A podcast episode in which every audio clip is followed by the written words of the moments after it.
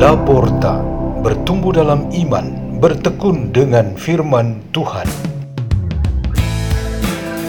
Radio Laporta, pintu terbuka bagimu untuk pertumbuhan pengetahuan dan kebijaksanaan tentang Allah.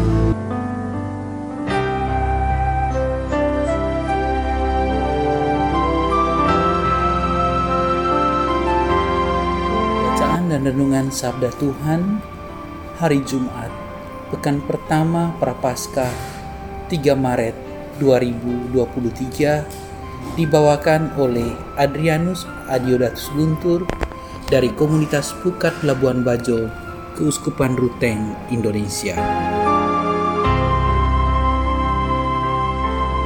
Inilah Injil suci menurut Matius.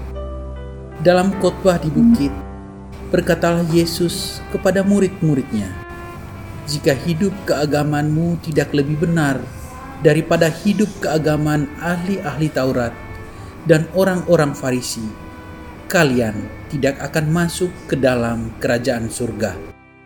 Kalian telah mendengar apa yang difirmankan kepada nenek moyang kita.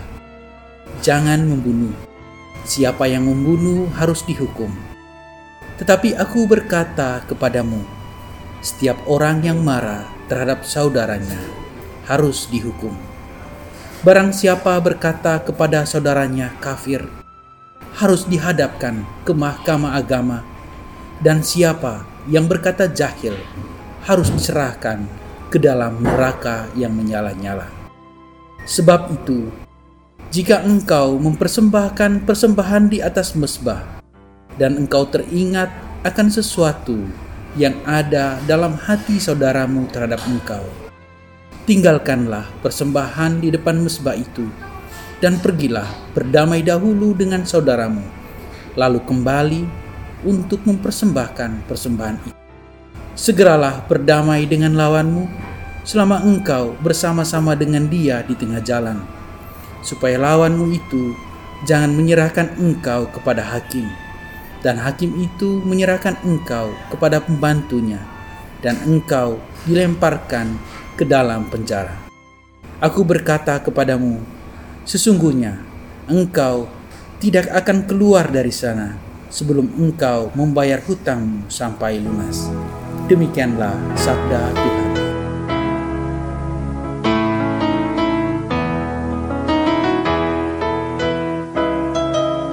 Renungan pada hari ini bertema Hukum Lama Diganti.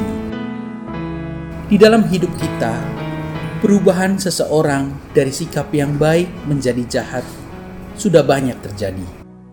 Demikian juga seseorang dari sikap yang jahat menjadi baik juga banyak terjadi. Hal ini bukan karena otomatis atau bonus bagi dirinya. Perubahan itu terjadi umumnya karena disengaja atau dimungkinkan.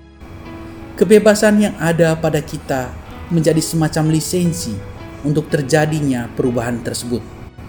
Kitab Nabi Yehezkiel dalam bacaan pertama membandingkan dua alam yang dihidupi oleh manusia, alam gelap dan terang.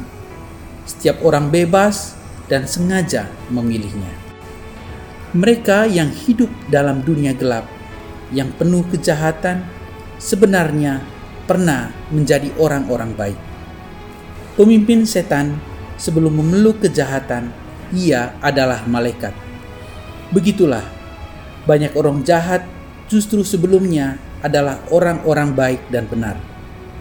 Nabi mengatakan bahwa perubahan seperti ini jalannya yang pasti ialah menuju kepada kebinasaan.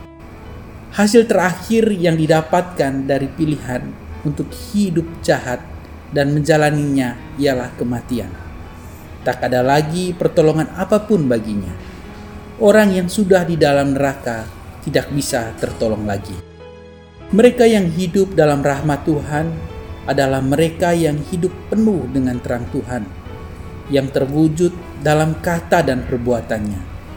Justru yang sangat dipuji oleh Tuhan dan diberikan harapan untuk hidup ialah mereka yang melepaskan kehidupan yang gelap dan menjalani hidup dalam terang.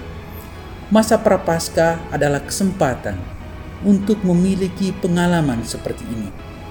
Melalui usaha-usaha yang berbentuk disiplin seperti berpuasa, pemeriksaan batin, dan pengakuan dosa, kita memperbaharui diri untuk menjadi pribadi-pribadi yang baru.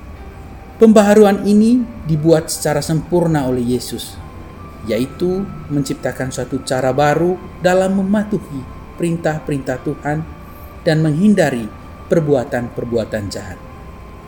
Hukum lama menetapkan sejumlah syarat yang tidak menajiskan dan menjerumuskan diri ke dalam dosa sesuai dengan cara pandang pada waktu itu.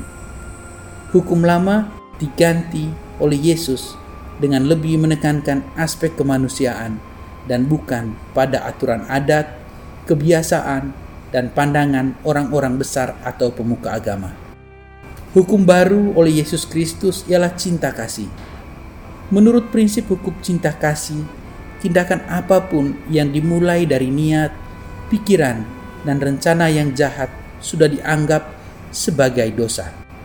Ini menggantikan hukum lama yang hanya melihat dosa kalau sudah terjadi pembunuhan, pengerusakan, pemfitnahan, pengutukan, dan perampasan. Padahal, ketika sudah ada niat atau pikiran jahat, seseorang sudah membentuk amarah dan benci untuk nanti dilakukan secara konkret. Dengan demikian, dosa dan kejahatan memang dimulai dari pemahaman, konsep, niat, dan pikiran-pikiran jahat. Marilah kita berdoa. Dalam nama Bapa, Putra, dan Roh Kudus. Amin. Ya Yesus yang mulia, sempurnakanlah di dalam hati kami hukum cinta kasih-Mu. Salam Maria penuh rahmat Tuhan sertamu. Terpujilah engkau di antara wanita, dan terpujilah buah tubuhmu Yesus. Santa Maria Bunda Allah, doakanlah kami yang berdosa ini, sekarang dan pada waktu kami mati. Amin.